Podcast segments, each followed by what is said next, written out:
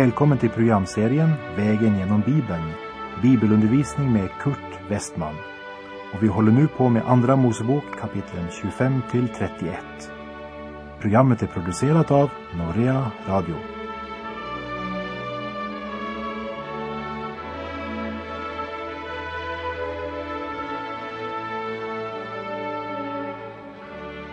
Ja, vi har nu kommit till Andra Mosebok kapitel 28. I tidigare program har vi sett hur olika detaljer och färger i tabernaklet talar om Kristi person och gärning. I det här kapitlet kommer vi till dem som ska göra tjänst i tabernaklet. Leviterna hade ansvar för tabernaklet. Och av Levi stam var Aron och hans söner utvalda att göra tjänst som präster.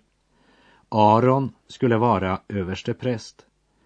Och vi läser i Andra Mosebok kapitel 28, verserna 1 och 2. Och du ska låta din broder Aron och hans söner med honom träda fram till dig ur Israels barns krets, för att de må bli präster åt mig. Aron själv och hans söner, Nadab, Abihu, Eleasar och Itamar. Och du ska göra åt din broder Aron heliga kläder till ära och prydnad. För att Aron skulle kunna göra tjänst som överstepräst måste han alltså ha en speciell klädnad eller dräkt för tjänsten. Och alla detaljerna i denna översteprästens klädnad talar om Kristus.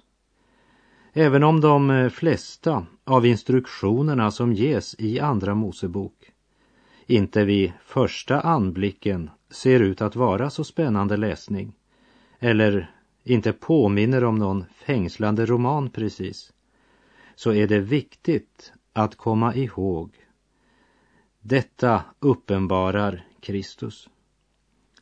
Har du undrat på varför Gud har givit oss alla dessa detaljer? Ja, små barn lär genom bilder. Och Bibeln är en bilderbok och Gud önskar att vi ska lära hans sanningar genom att betrakta bilderna han har givit oss.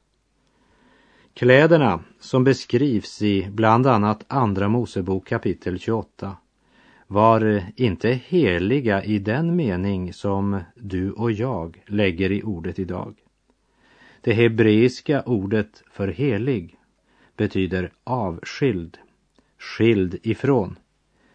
Kläderna var avskilda för att tjäna Gud och allt som avskiljs för Gud, det är heligt. Tänk dig att eh, du har en hundralapp i fickan och du önskar att ge tionde till Guds rikes arbete. Hundralappen, den fick du från en butik där du utfört ett arbete.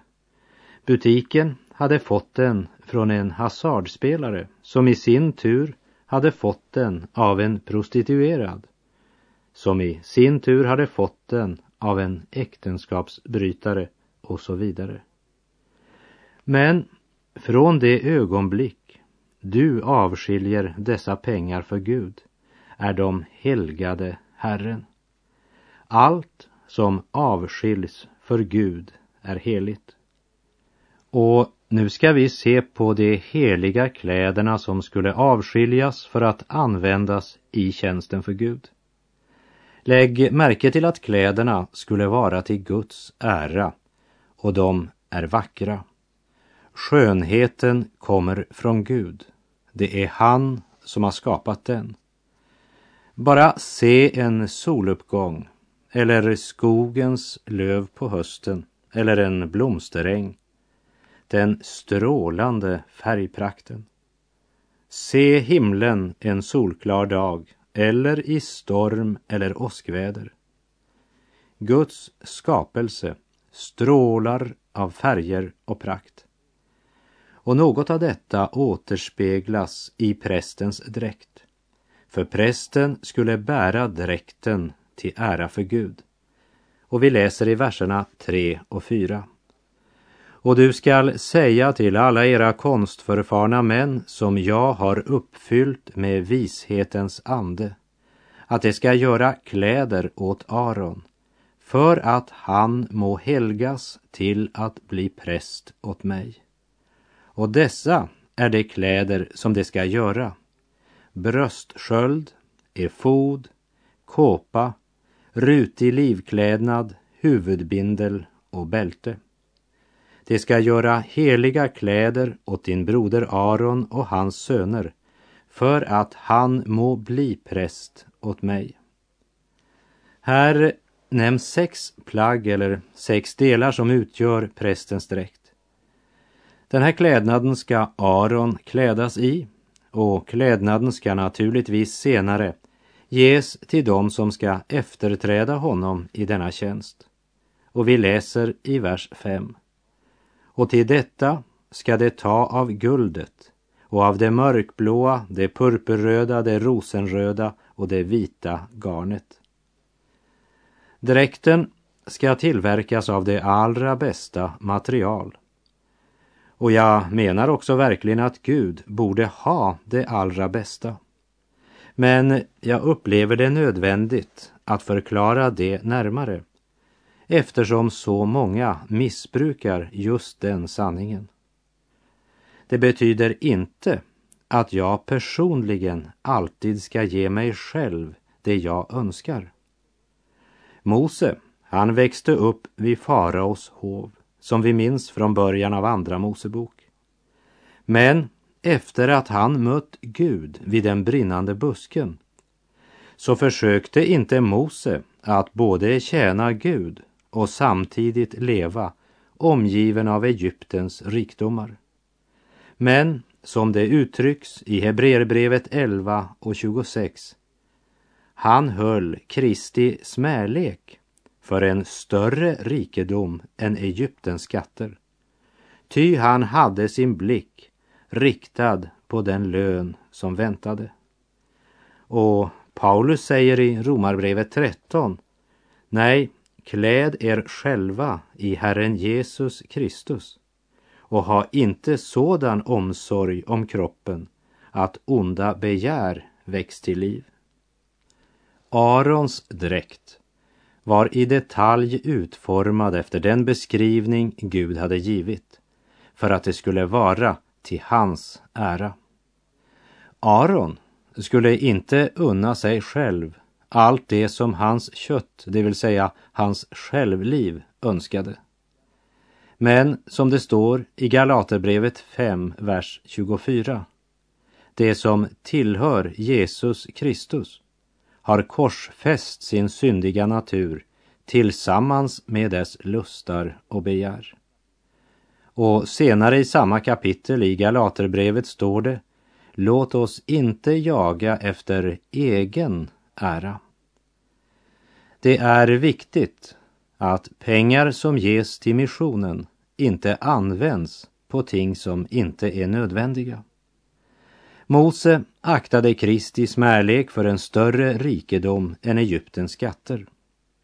Så, kära vän, håll ditt öga och ditt öra öppet och ge akt på vilken typ av rikedom som präglar den som förkunnar och vad som präglar också hans förkunnelse.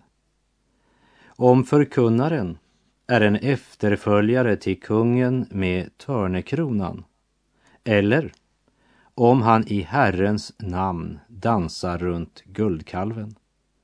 Vi ska komma mera in på det i kapitel 32. Förvaltningen av de gåvor som ges till Guds rike är en viktig fråga. Och å andra sidan, hur vi personligen förvaltar vår tid, vår kraft och egendom, det är viktigt. Allt tillhör Gud. Frågan är inte hur mycket vi borde ge Gud.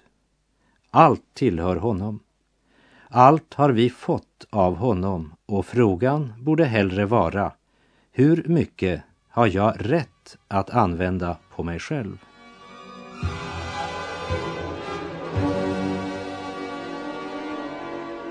El Shaddai El Shaddai Du den högste över allt År från år i evighet Har vi sett din trofasthet El Shaddai, El Shaddai O Rachemna Adonai. Du är helig, du är sann. El Shaddai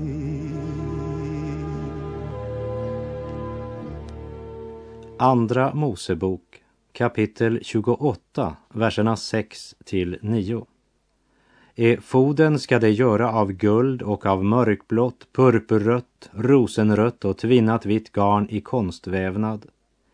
Den skall vid sina båda ändar ha två axelstycken som skall fästas ihop så att den hålls hopfäst.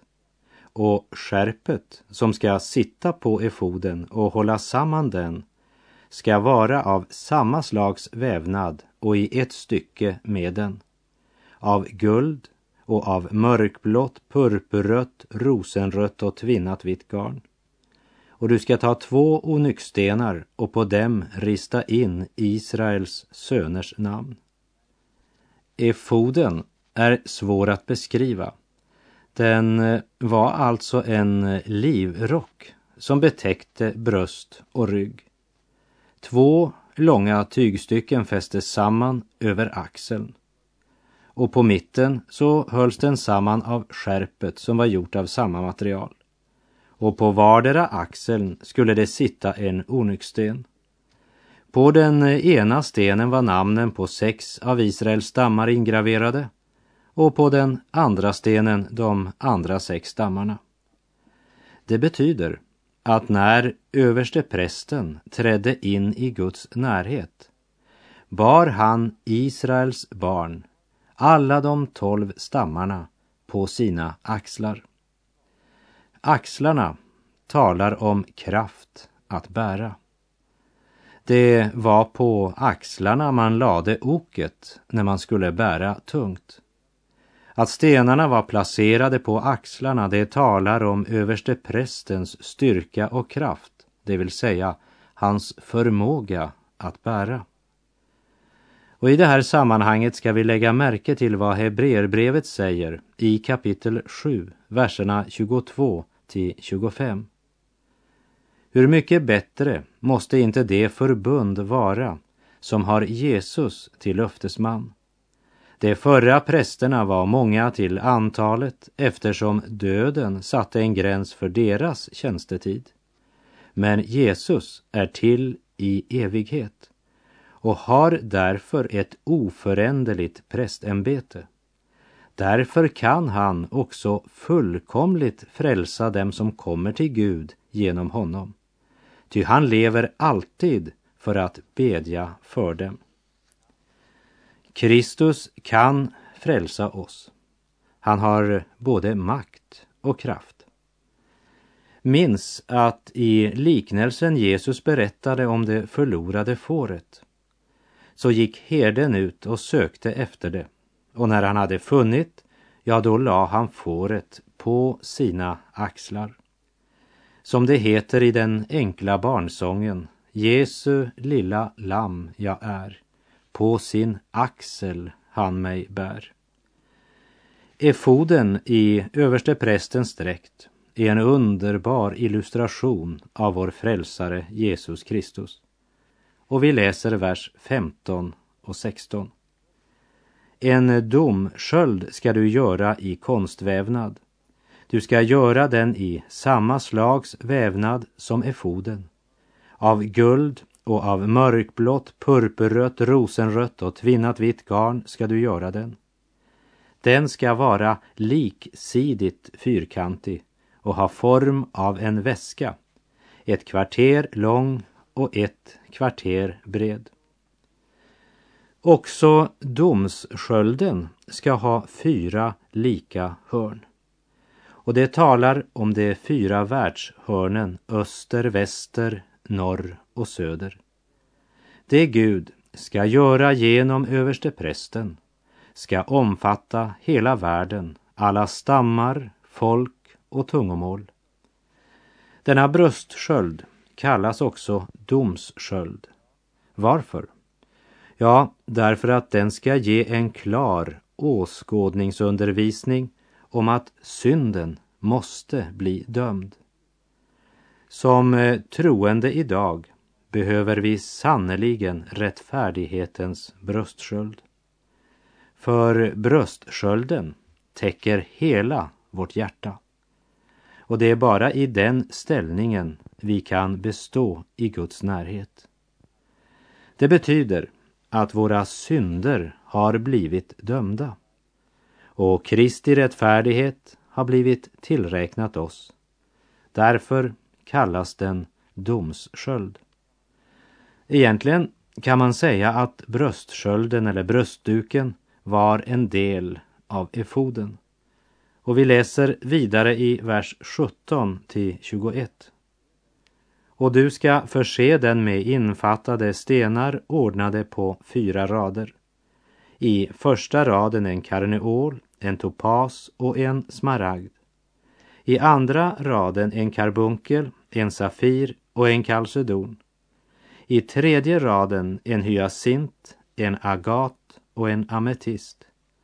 I fjärde raden en krysolit, en onyx och en jaspis. Omgivna med flätverk av guld ska det sitta i sin infattning. Stenarna skall vara tolv efter Israels söners namn, en för varje namn.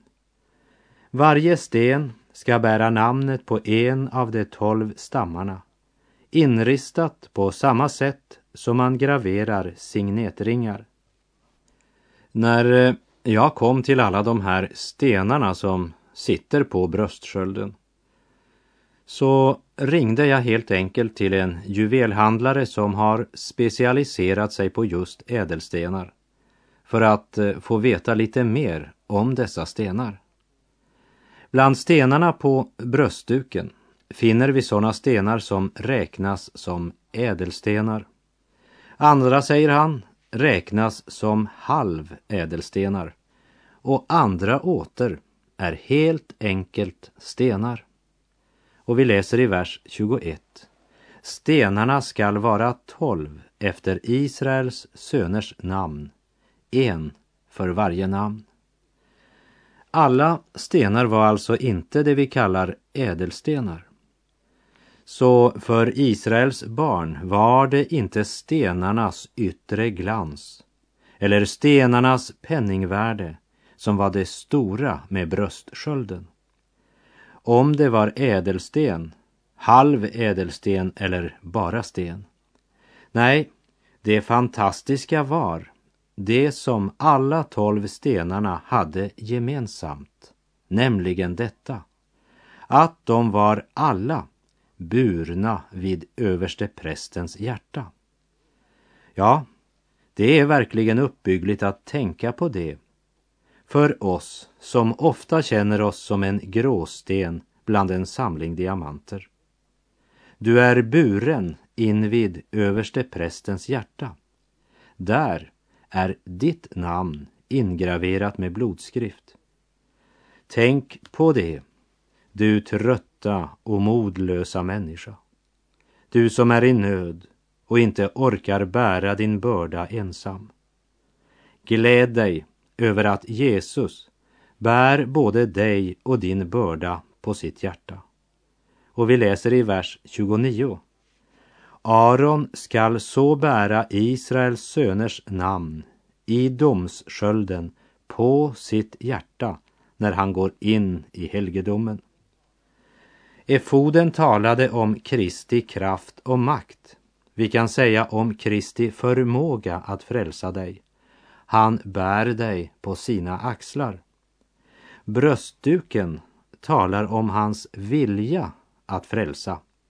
Han bär just dig och din nöd på sitt hjärta. Och vi läser i vers 30.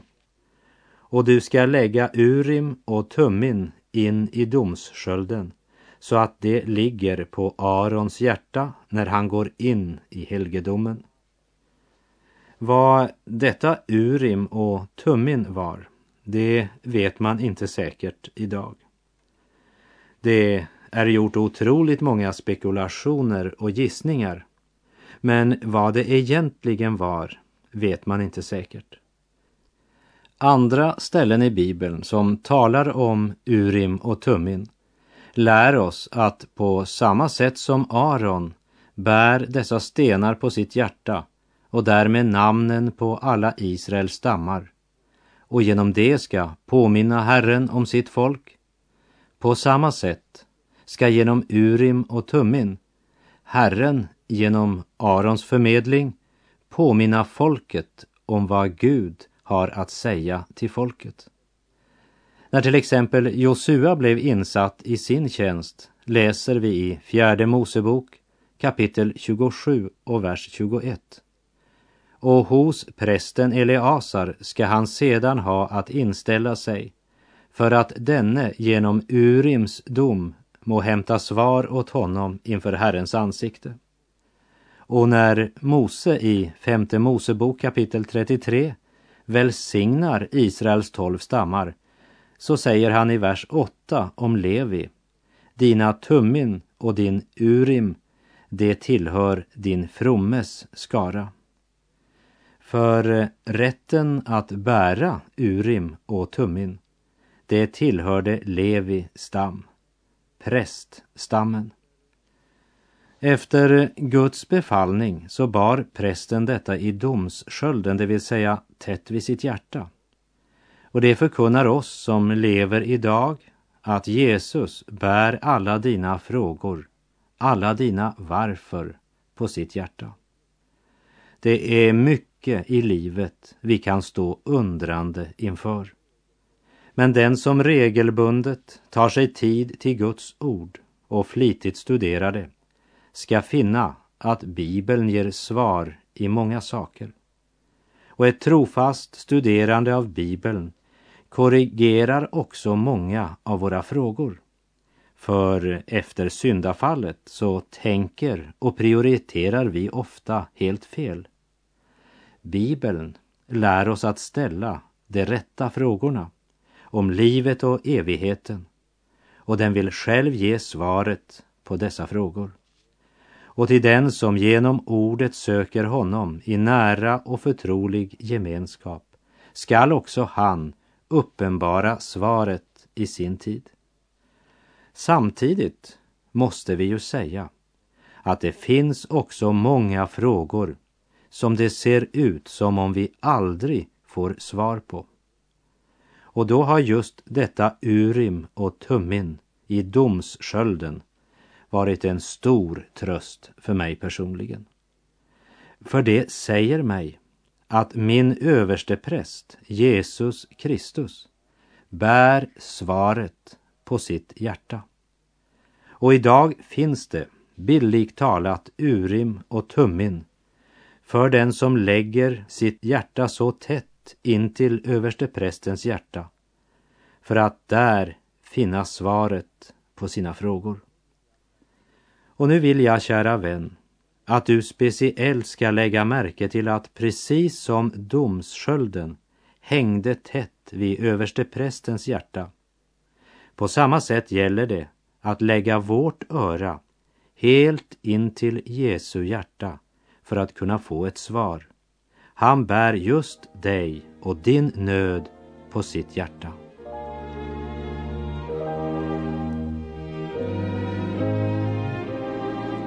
Jag skulle ej sörja, jag har ju en vän som bär på sitt hjärta min nöd. Den vän